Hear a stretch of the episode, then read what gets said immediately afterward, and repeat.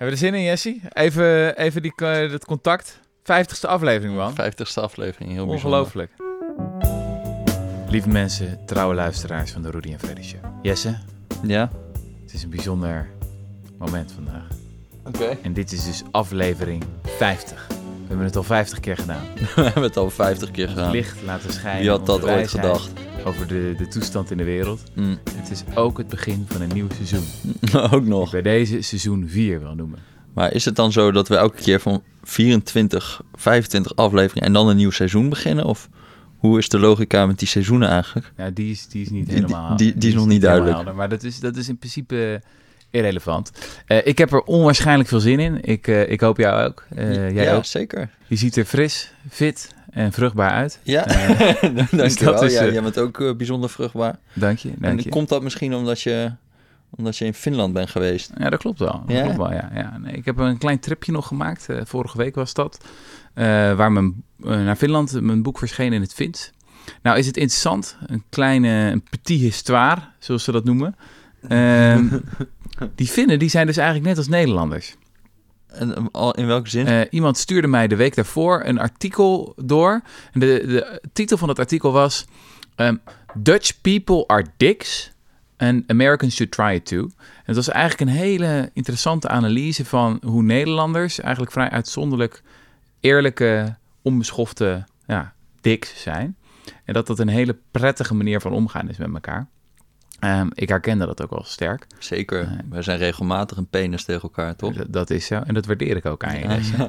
Eh, het is ook trouwens iets wat mij regelmatig in de problemen heeft gebracht tijdens mijn boekentour. Ik had één event in Colombia. Hm. En dat was dus eh, een, eh, een praatje dat ik zou ga- gaan geven. De titel van het event was Utopia for Realists, mijn, de titel van mijn boek. Dus ik dacht, we gaan het over mijn boek hebben. Wat hadden ze gedaan? Eh, ze hadden een Spaanse filosoof ingevlogen vanuit eh, Barcelona. En trouwens, dit was het enige event dat ik zou doen op dat, op dat hele festival. Dus ik dacht, oké, ik moet ook een beetje mijn best doen. Een mannetje of twee, 300 in de zaal. Hadden allemaal een, netjes een kaartje gekocht. En ik denk, nou, geïnteresseerd. Ik ben benieuwd waar, waar dit over gaat. Wat bleek, die Spaanse filosoof was een enorm postmodern type. Weet je wel, dat je zo'n tekst begint en dat je in de tweede zin of de derde zin al denkt van... Ik snap hier helemaal niks van. Een beetje jargon heffen. Ja, ja, gewoon echt jargon op jargon, jargon. Ik, ik kan dat niet nadoen. Ehm, en wat gebeurde er dus? De, in de eerste vraag die de moderator stelde was... ehm, wat, is, eh, wat, ja, wat vond je van Rutgers boek? En toen begon zij dus een heel verhaal... dat ik na, na een halve minuut of zo haakte ik af. En ik deed echt mijn best. Ik, ik was niet in een vervelende, eh, ja, brutale stemming. Of zo. Nee. Echt mijn best gedaan. Maar die, die, dat publiek dat volgde het ook helemaal niet. En het ging echt lang door. Ik denk echt acht, negen, misschien tien minuten. Nou, toen kreeg ik heel even het woord. Toen heb ik maar kort iets gezegd over mijn boek. Vervolgens kreeg ze weer het woord. Ging het weer tien minuten. Ze had al twintig minuten in het, in het event. Ehm, terwijl het een uur zou duren eh, in totaal. En ik er was nog bijna niks verteld. Die mensen hebben een kaartje gekocht. Dus ja mijn, ja, mijn Nederlandse houding was toch van hier is onrecht aan het geschieden. Dus toen kwam er het moment dat de moderator mij vroeg eh na haar tweede lange betoog van ja, wat, wat vond jij er eigenlijk van? What do you think of what she just said? En toen deed ik iets waarvan mij achteraf is verteld dat dat typisch Nederlands was. Dus ik zei, eh, well, to be honest, I have no idea what she's been saying for the past 20 minutes. En het was echt fascinerend om te zien wat er toen gebeurde. Het was echt een soort van effect in de zaal. Een paar mensen begonnen te klappen en sommige mensen begonnen te lachen, maar het was vooral gewoon schok in, in, in die zaal. En het was ook heel, heel ongemakkelijk van op dat moment, want wat zij was woest. Maar ja, we moesten nog iets van ja, 35 minuten, moesten we dat event nog doorstrompelen. Nou, dat hebben we ook gedaan. Eh, en ik was dus helemaal het, eh, ja, het soort van het ding op dat hele festival van heb je gehoord wat die Nederlandse historicus heeft gedaan? En toen, toen wilde ik natuurlijk toch een soort van genoegdoening. Want ja, ik was ook wel een beetje, beetje geschrokken van ja, eh, was ik dan echt zo lomp? Maar ja, het was wel waar, weet je wel. Niemand had enig idee waar het over ging. Terwijl mensen hebben wel een kaartje betaald. Dus ze hebben wel recht om, weet je wel, iets te krijgen, zou ik zeggen. Ehm, dus ik het aan mijn Spaanse redacteur vragen van ja, hoe zit dat, hoe zit dat nou? Was ik nou echt? En het enige wat ze kon zeggen is van typically Dutch. Typically, ze wou me ook niet gelijk geven. Maar hoe kom ik nou op Finland?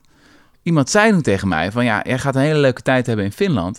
Want die Finnen, die zijn net als Nederlanders. Ook Weet je wel? Dat zijn ook, die zeggen ook wat ze denken. Dus wat gebeurde mij daar? Het allereerste interview. Een hele leuke, guitige interviewer. Een man van denk ik 45, eh, 50 of zo voor de grote krant daar. Die, die zegt echt na twee minuten van... Oh, eh, you talk much better than you write. zo, ging het, zo ging het door. Ik ben aan de lopende band beledigd Daarom in gaat die podcast van Ja. ook ons natuurlijk veel beter dan die stukken van jou. Zo is het. Zo is het ja. Maar het was een hele... Typically Dutch. Het was, een, het was een hele, hele leuke en bijzondere tijd. Ehm, iets anders wat ik ook nog zou willen vertellen, Jesse, is het Hm. volgende. Ehm, ik loop regelmatig ehm, op Utrecht Centraal. Ja. Dan eh, loop je altijd langs de ACO. En dit is, een, dit is een, eh, een kleine irritatie nog die ik daar heb. Wij hebben natuurlijk eh, in een eerdere podcast hebben wij het zomerboek van het jaar uitgeroepen. Eh, dat is Amerikanen lopen niet, van onze zeer gewaardeerde collega Arjen van Velen.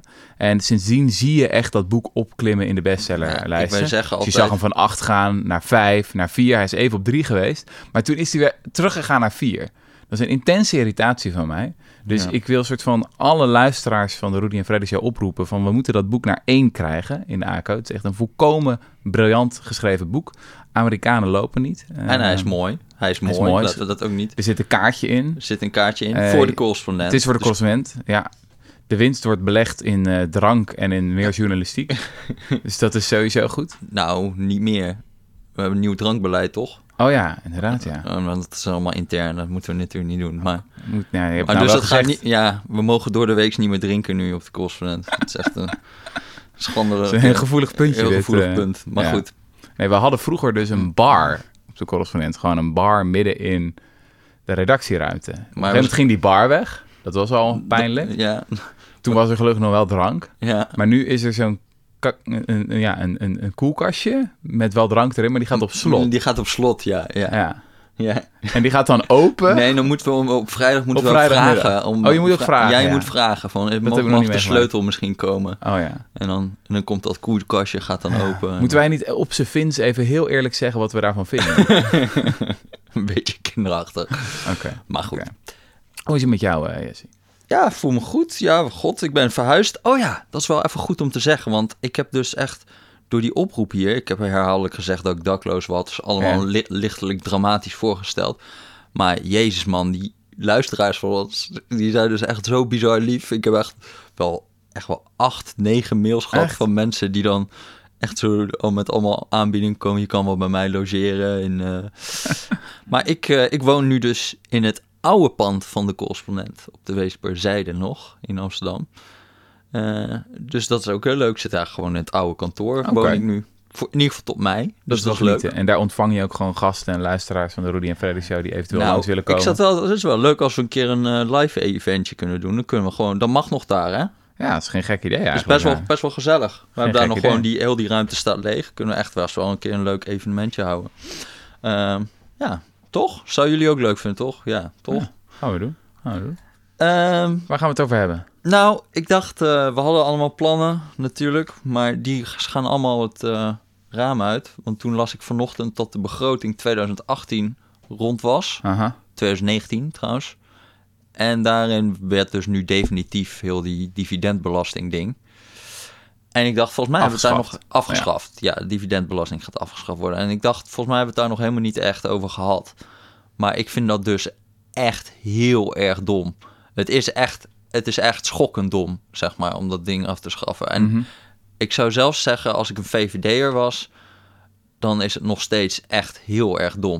En ik wil eigenlijk gewoon een paar dingen noemen waarvan ik dan denk, dat wordt ook een beetje verkeerd voorgesteld in de media. Dat nu is het een beetje, het wordt nog een beetje geframed vanuit een soort links perspectief van eh, Mark Rutte die wil buitenlandse beleggers een cadeautje geven. Dat is echt nog te vriendelijk. Want wat die, het rare met die dividendbelasting is namelijk dat Nederland heeft met vrijwel elk groot land hebben we een belastingverdrag. Dus Ja. Amerika bijvoorbeeld. Ja, ja. En als een Amerikaan in een Nederlands bedrijf eh, belegt en hij ontvangt winst, een winstuitkering van zeg Shell, Mhm. Eh, dan houdt Shell 15% in. Eh, maar dan kan die Amerikaan, die kan de, die 15% die is ingehouden in Nederland, kan die verrekenen met zijn eigen inkomstenbelasting. Dus de Amerikaanse belastingdienst krijgt dan minder geld. De Mhm. Nederlandse belastingdienst krijgt wat meer geld. Mhm. Dus wat gebeurt er nou als je die afschaft? Dan gaat de, eh, maakt het voor die buitenlandse belegger eigenlijk helemaal geen bal uit. Maar dan gaat er gewoon meer geld naar de Amerikaanse belastingdienst toe. Ja, ja, ja. ja. Dus, Dus het, het is een cadeautje aan de Amerikaanse Belastingdienst in plaats van de Amerikaanse belegger. het is een cadeautje aan belastingdiensten over de hele wereld. En we Nou, kunnen... vind ik heel aardig van ons. Dat is een hele ruime diplomatieke gift van, eh, van eh, Mark Rutte en natuurlijk. Dat is heel Ja. erg doordacht. Maar eh, dus even voor het begrip van hoe groot is dat nou? SOMO die heeft een soort analyse gedaan. Of SOMO is een stichting. SOMO, dat is een Ja. soort stichting onderzoek multinationale ondernemingen. Ja. Maar die hadden data, ik geloof van Bloomberg, over wie zijn de beleggers in de top 10 grootste AEX-fondsen. Dus de grootste beursgenoteerde bedrijven van Mhm. Nederland. En 77% van die beleggers, die woont in een land waar je kan verrekenen. Mhm. Dus 77%, als dat gewoon representatief is voor de rest, en dat weten we niet. Maar als dat representatief is, gaat 77% van die 2 miljard waar we het over hebben, dat gaat gewoon naar buitenlandse belastingdiensten. Wow. Dus je denkt echt, oké, wat, wat ik echt zou voorstellen is VVD. Jullie krijgen 2 miljard van ons. Doe er alsjeblieft wat mee. Zo, maakt mij niet eens uit. Ga gewoon buitenlandse beleggers spekken. Maar doe alsjeblieft niet dit. Ja. Want het doet niet eens wat je, wat je wil dat het Ja. doet, zeg maar. Je Dus de, de theorie is van ehm, we schaffen de dividendbelasting af. Dat verbetert het vestigingsklimaat. Daardoor zouden we aantrekkelijker worden voor grote multinationals. Mm, Eh, en dat heeft uiteindelijk voordelige voordelen voor de Nederlandse economie. ja, Dat is het verhaal. maar dat is, dat is dus ook heel, een, zeg maar een heel specifieke vorm van... Kijk, bijvoorbeeld als Nike hier zijn eh, regionaal hoofdkantoor gaat vestigen. Ja. Dat levert banen op. Maar daarvoor voor Nike boeit die dividendbelasting niet. Want Mhm. Nike heeft zijn daadwerkelijke hoofdkantoor in Amerika staan. Dus die betalen al geen dividendbelasting hier. Want daar is weer een belastingverdrag mee en dan kan je het weer verrekenen. Het is alleen maar voor bedrijven die waar, die hun echte hoofdkantoor hier hebben. Dus bedrijven als Unilever, Shell. Ja, ehm, maar die willen we houden, toch? ja, maar dan komen we dus op het, op het volgende ding. Van, van, eh, dat is waarschijnlijk wel de reden waardoor het, is, eh, waardoor Ja. het ooit is verzonnen. Dus die vallen niet binnen de 77%, maar Nou, nee, ook nog. Maar die hebben een substantieel blok Britse beleggers. Dus bijvoorbeeld Oh ja. Unilever heeft geloof ik 30% van haar beleggers... die komen uit eh, Groot-Brittannië, dus uit Verenigd Koninkrijk. En Verenigd Koninkrijk is nou net een van de landen... die ook geen dividendbelasting heeft... waardoor, ze niet hoeft, waardoor die verrekening niet er is. Oh ja, oh ja. Dus zeg maar, Britse beleggers die hebben hier wel baat bij. Maar het, dat, die hele Unilever-casus is best wel interessant. Want Unilever is dus, ik geloof een paar jaar geleden... kwam er in één keer een soort hedgefonds eh, eh, eh, of private equity partij uit, uit Brazilië, 3G. En nou, dat zijn echt gieren, zeg maar. Die zijn echt gewoon keihard op de kosten snijden. En, ehm, eh, en die deden een overnamebod op Unilever. Volgens mij gaat het snel. Het idee is, je hebt een soort van grote partij uit Brazilië. Ja, en die, Die proberen heel veel Unilever geld over te en die nemen. willen Unilever kopen. Ja. Wat ze dan normaliter doen is Unilever, Unilever uitkleden. Wat je zei, kosten snijden. Daarna, daarna en gaan dan ze- weer doorverkopen. Ja, want Unilever, die Paul Polman, de topman van Unilever, die stelt zichzelf heel erg voor als de man van het lange termijn kapitalisme. Die is echt bezig om de- dat bedrijf te vergroenen, palmolie weg. eh, nou ja, en, dat, Oh ja. eh, en dat is ook wel serieus. Een vriend van de podcast dus. Een vriend van de podcast Ja. wat dat betreft. Maar wacht maar even. Oh, oh.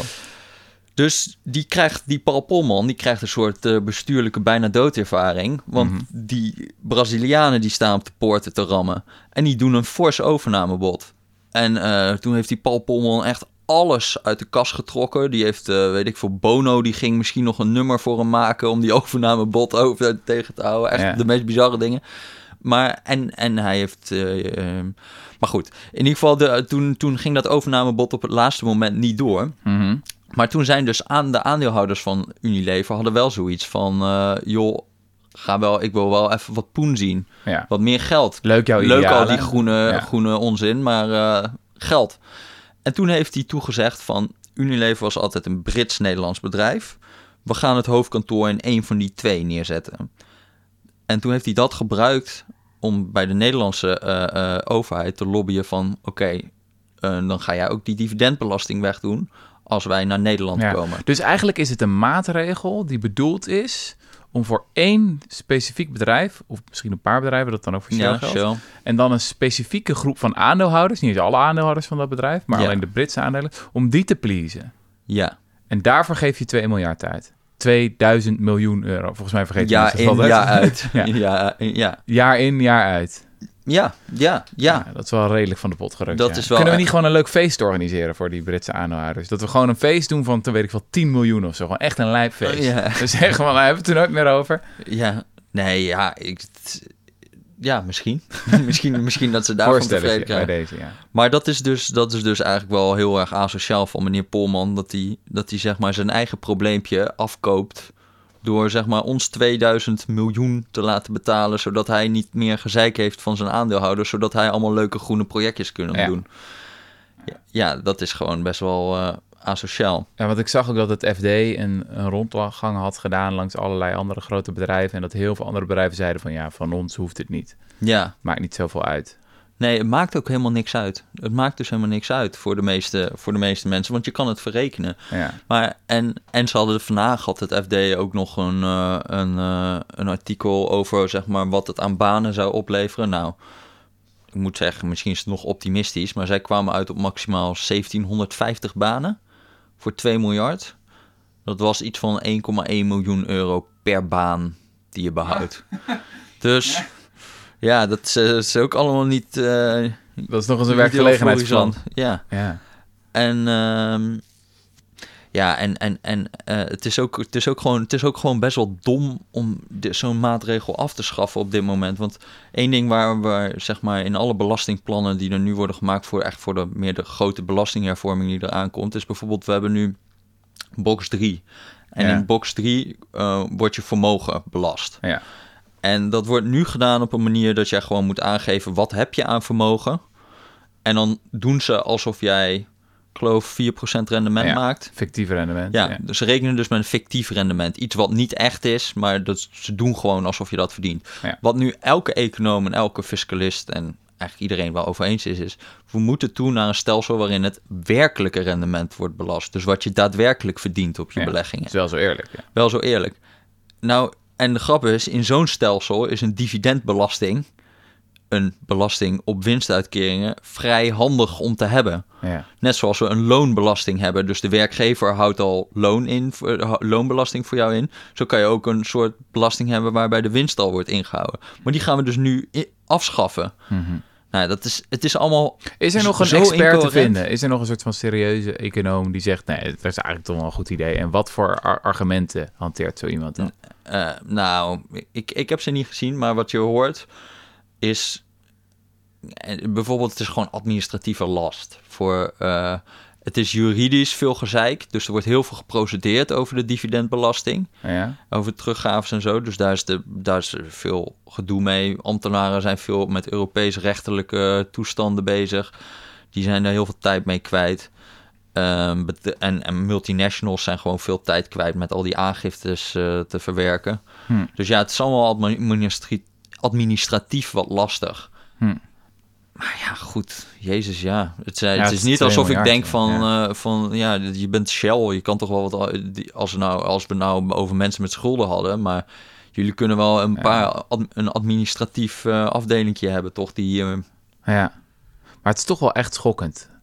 In de zin van, kijk, iedereen weet dat Den Haag eh, politiek gaat over compromissen. Weet je, dat begrijpt iedereen. En dat, er, Mhm. dat er een uitruil moet worden gedaan in de coalitie. En dat er op een gegeven moment ook co- coalitiepartijen ideeën moeten verdedigen van... oké, dit is absoluut niet mijn idee, maar ik schaam me er toch achter. Maar in dit geval is het, ja, er is, het staat helemaal nergens op. nee. En het gaat over zo gigantisch veel geld. En geen expert die ervoor is. Het lijkt gewoon alsof heel Nederland moet betalen voor een soort van de trots van Rutte en de VVD. Nou, maar dat, dat is zij het niet ook willen hoor. toegeven dat ze ongelijk hebben. Ja, want ik kan, ik kan gewoon niet bij waarom je hierin zou volharden, zeg maar. Ik, ik snap niet waarom, waarom die niet gewoon... Ja, is nu gewoon, denk ik, echt gewoon bang om een draai te maken of zo. Maar Ja. wat, wat ik nou ook zo Hij heeft het zelf vind- al een bizar idee of een bizar voorstel genoemd. Ja, Maar we gaan het toch doen. Het is gewoon... en, en ik geloof dat er was een peiling van Maurice de Hond. Nou ja, peilingen van Maurice de Hond Ja. kan je altijd je bij. Maar volgens mij was 18% van de bevolking of zo vond het een goed idee. Oh ja. Het is echt zwaar, zwaar impopulair. ja. Ehm, overigens, ik zou als ik VNO-NCW was, dus de werkgeversorganisatie, zou ik ook zwaar over de zeik zijn. Want wat ze nu gaan doen om dit te gaan bekostigen, Mhm. is weer de vennootschapsbelasting omhoog. Dus ze, die zou van 25% naar 21% gaan. Dat gaat nu van 25 naar 22%. Ja. Maar zij gaan dus, zeg maar, Nederlandse bedrijven moeten meer betalen, zodat we meer kunnen betalen aan buitenlandse belastingdiensten. ja, sorry hoor. Ja. Het is toch. Het, i- ik, ik zou echt Ja. zeggen, kijk, Maar dit wij, zijn wij zijn, wij zijn links een Ja. beetje, dus wij zouden zou dan nog zeggen van ja, het is sowieso. Zouden we niet dit soort keuzes maken of zo. Maar ik zou echt zeggen, alsjeblieft, VVD, ga gewoon die vennootschapsbelasting omlaag Ja, doen of ja. zo. Of zorg gewoon dat bedrijven dan nog minder. Dan is het in ieder geval niet verspild. Ja. Het, is, gewoon, het is gewoon zo dom. Ja, maar dit is ook niet echt rechts, toch? Het is niet rechts om geld te geven aan buitenlandse belastingdiensten. Het is gewoon raar. Dat is het meer. Ja, ja, het is ja. gewoon echt raar. het is echt heel raar. Ja. En het is, het is eigenlijk een beetje zonde en dom, vind ik, dat je nu ziet in de media dat het heel erg geframed wordt als we gaan buitenlandse beleggers. Zeg maar, dat is deel van het verhaal. Ja, ja, ja. Maar ja. dat, is, dat is dus niet de gros van die 2 miljard gaat niet eens naar buitenlandse beleggers. Nee. Als dat nou nog waar was, ja. Dan had ik er nog een beetje in kunnen komen. Maar dat is niet eens zo. Ja. Nou, maar dat wordt dan gezien als soort van de collateral damage. Van, om een heel klein groepje van eh, beleggers eh, van specifieke bedrijven te pleasen, gaan we deze supergrote generieke maatregel doen die al wezen, weet je wel? Ja, ja, Waarvoor ja. we honderden miljoenen ook naar andere belastingdiensten moeten. Ja. Nou ja, goed. Dus eh, doe het niet als je luistert, Mark. Oké. Ehm, Nou, wat je- wat je- hadden we nog meer op de agenda Ja, staan? je, je bent wel lekker in de debug modus. Ik dacht, we kunnen nog heel even overgaan op, eh, op ja, toch wel onze, onze favoriete innovatie, de blockchain. Eh, Oh. We hadden er eerder natuurlijk al een podcast over.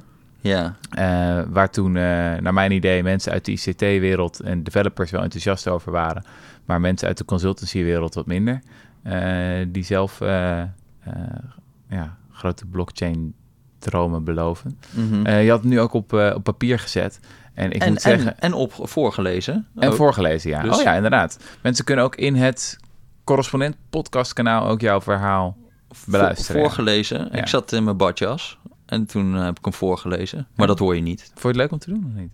Ehm, nou, ik had wel in één keer eh, medelijden met Romané, onze podcastmaster, dat hij de hele tijd naar ons moet luisteren, vijf keer of zo in Ja. zo'n edit. Ja, Want heb je heel- wordt echt een beetje moe van je eigen stem en de hele tijd, je hoort ook in één keer alles van, ja, dat je echt, je bent echt een vieze smakker, hè? je bent een, denk zo, je echt sowieso. wel, ben, ben ik altijd zo'n vies mens? Zit je dan? Ja, Dat je het van die gore geluiden aan het maken bent. ja. Inderdaad. Nee, ik, had, ik heb heel veel klachten over de audio-kwaliteit gehad. Dus in die zin, eh, ja, dat kan ik blijkbaar ook niet zelf. Het was te zacht en het was niet goed. Maar Nee. goed, mensen luisteren alsnog naar. Dus eh, gelukkig is dat met Rudy en Freddy de show nooit zo. Nee, Omdat wij Romané hebben. Ja, Dat is geweldig. Romané. Ja. Ja. Ehm, maar nog even over blockchain. Want je had een eh, verhaal, en ik heb er wel echt ontzettend van genoten, over de gemeente, wat was het nou?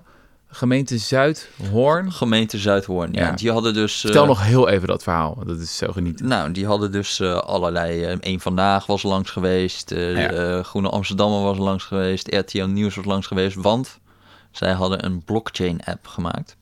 Ze hadden het kindpakket, een armoederegeling. Dat stond op de blockchain nu, voor het eerst.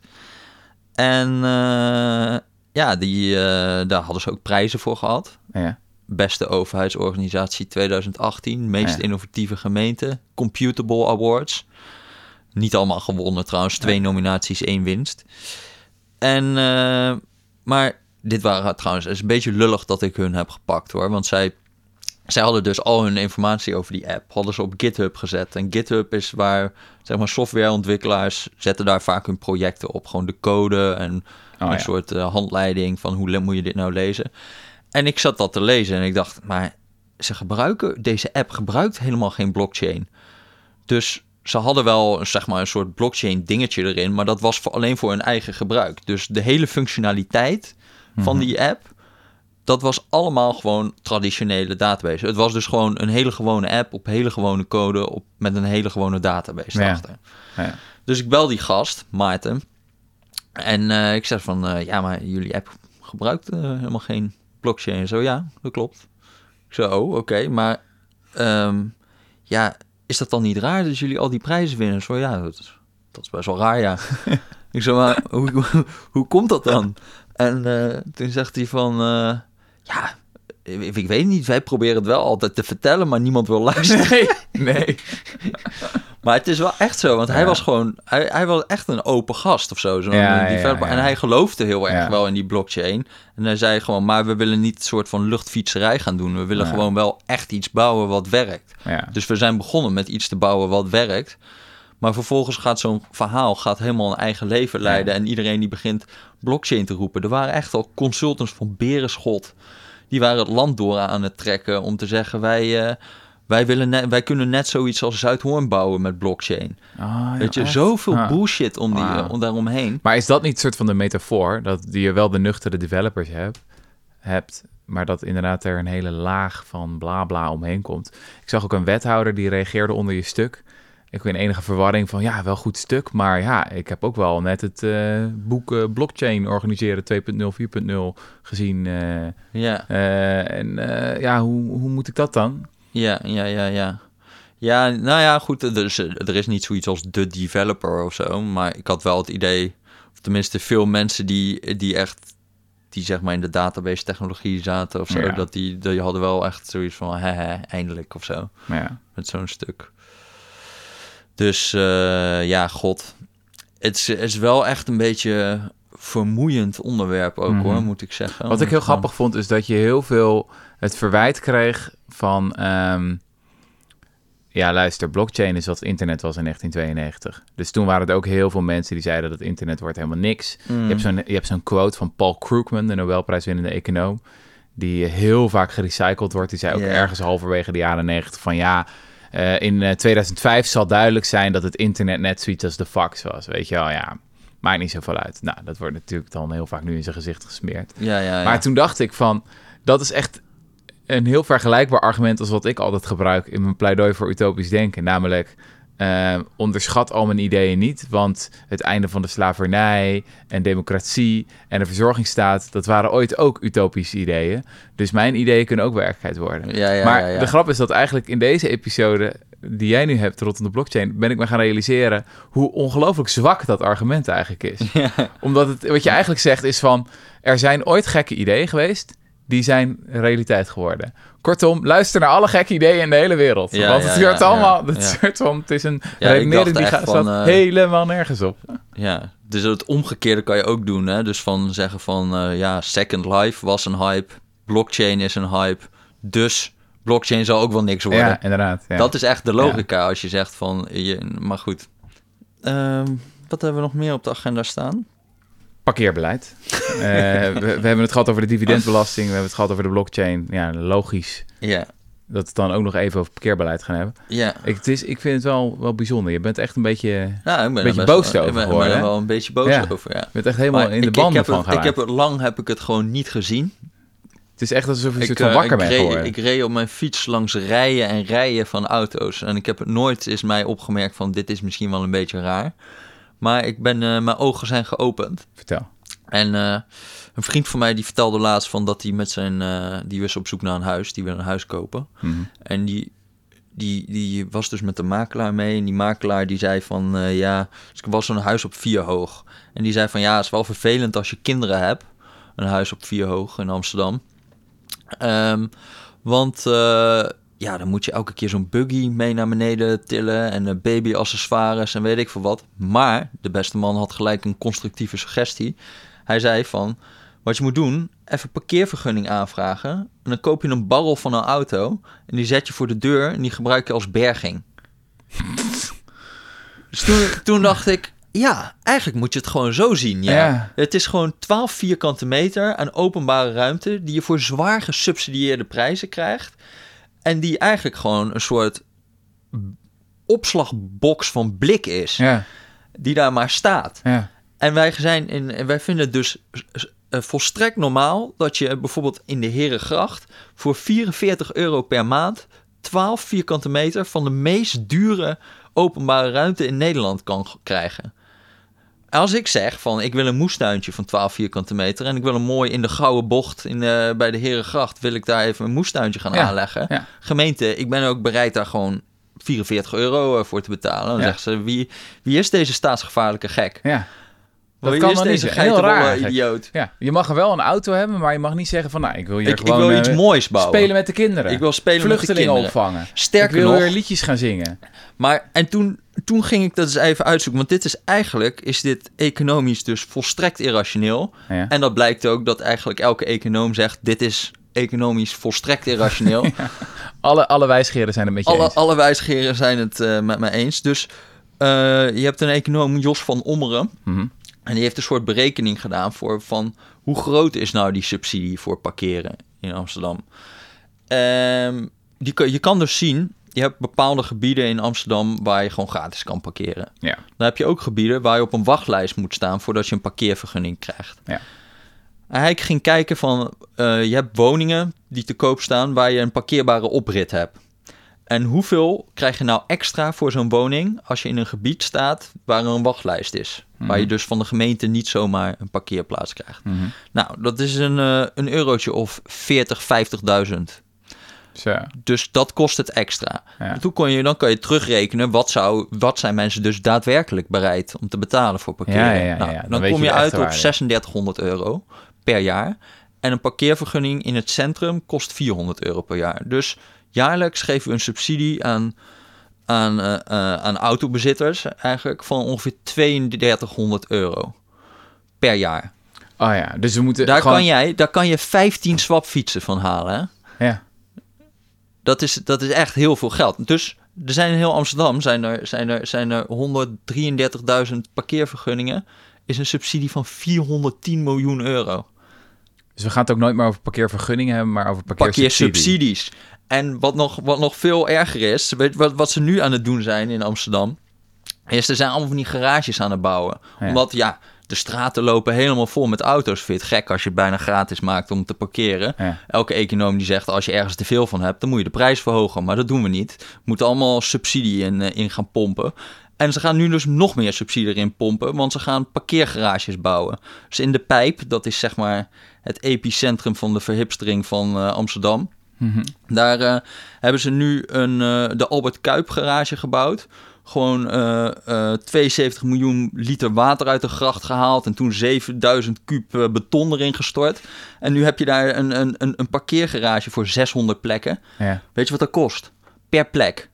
Per plek kost dat 60.000 euro. Wat? 60.000 euro. En dan mag je dan gratis parkeren. Of nee, 300 euro kost je dat per jaar. Geef hem gewoon weg. Hè? Hup, weggeef. Maar dat is nu de duurste parkeergarage. Maar ze gaan er nu ook inbouwen op de Singelgracht. 800 plekken voor 96.000 euro per plek. En dan nog eentje op de Willy Broerders garage. Dat is dan 93.000 euro per stuk. Gewoon Mhm. per plek. En dat geef je dan gewoon voor zwaar gesubsidieerde Hm. tarieven geef je dat allemaal weg. Maar dit is zo, zoiets raars. Wa- waarom, waarom vinden we dit dan wel kunnen? Is dat gewoon omdat mensen een soort van in hun hoofd hebben, bijna een soort van hele oude ideologie, dat, dat je nou eenmaal recht hebt op een parkeerplek? Ja, als het is een gewoon je hebt? godsgegeven recht in Nederland om een, om een stilstaand stuk blik voor je deur te zetten. Ja. En dat vinden we volstrekt normaal. En dat, ja, Maar is dat dan niet, is dat niet normaal? Nee, tuurlijk is dat niet normaal. Dat is gewoon schaarse ruimte. Ik bedoel, elk, elk stuk blik wat daar staat is niet voor mijn fiets of zo. Ja. Eh, overigens in peilingen Maar dat klinkt wel als economisme van jou.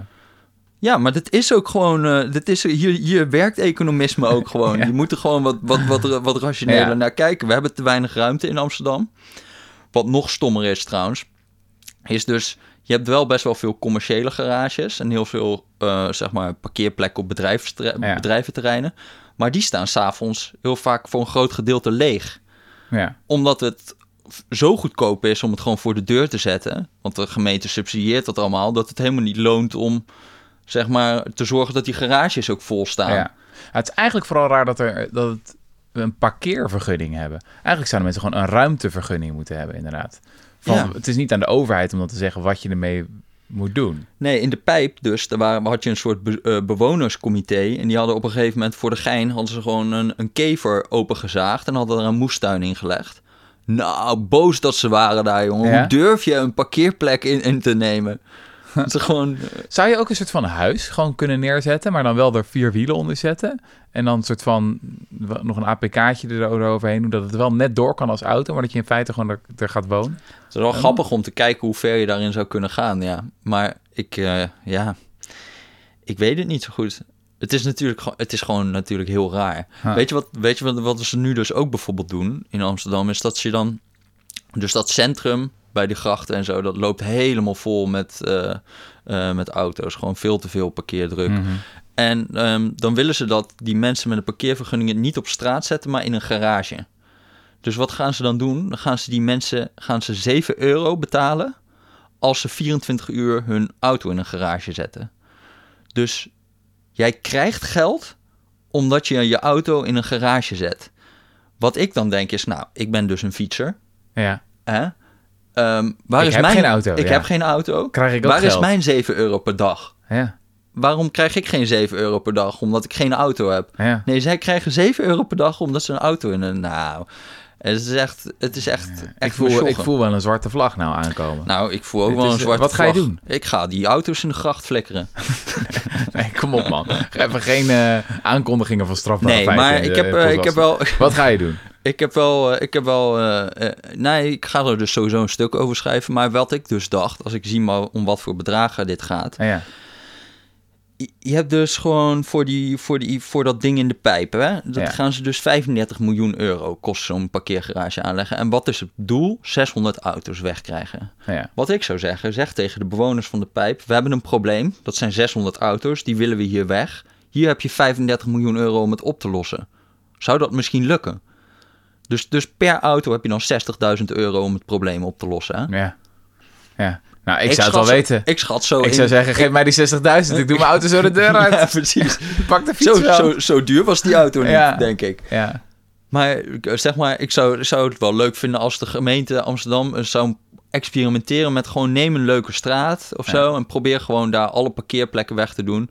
En in, ik bedoel, als we nu toch eh, belachelijke Mhm. parkeergarages voor dit soort eh, bedragen gaan aanleggen, Mhm. geef een, geef, maak er de helft van. Het we doet, het doet wel een beetje denken weer aan de dividendbelasting eigenlijk, hè? Gewoon met enorme, gigantische bedragen smijten om een klein groepje van mensen te pleasen. ja, Dat is eigenlijk weer... maar ik, ik heb me het laten is nog niet eens vertellen. handig. Als je de autobezitter wil pleasen, echt wil pleasen, dan kan het toch efficiënter.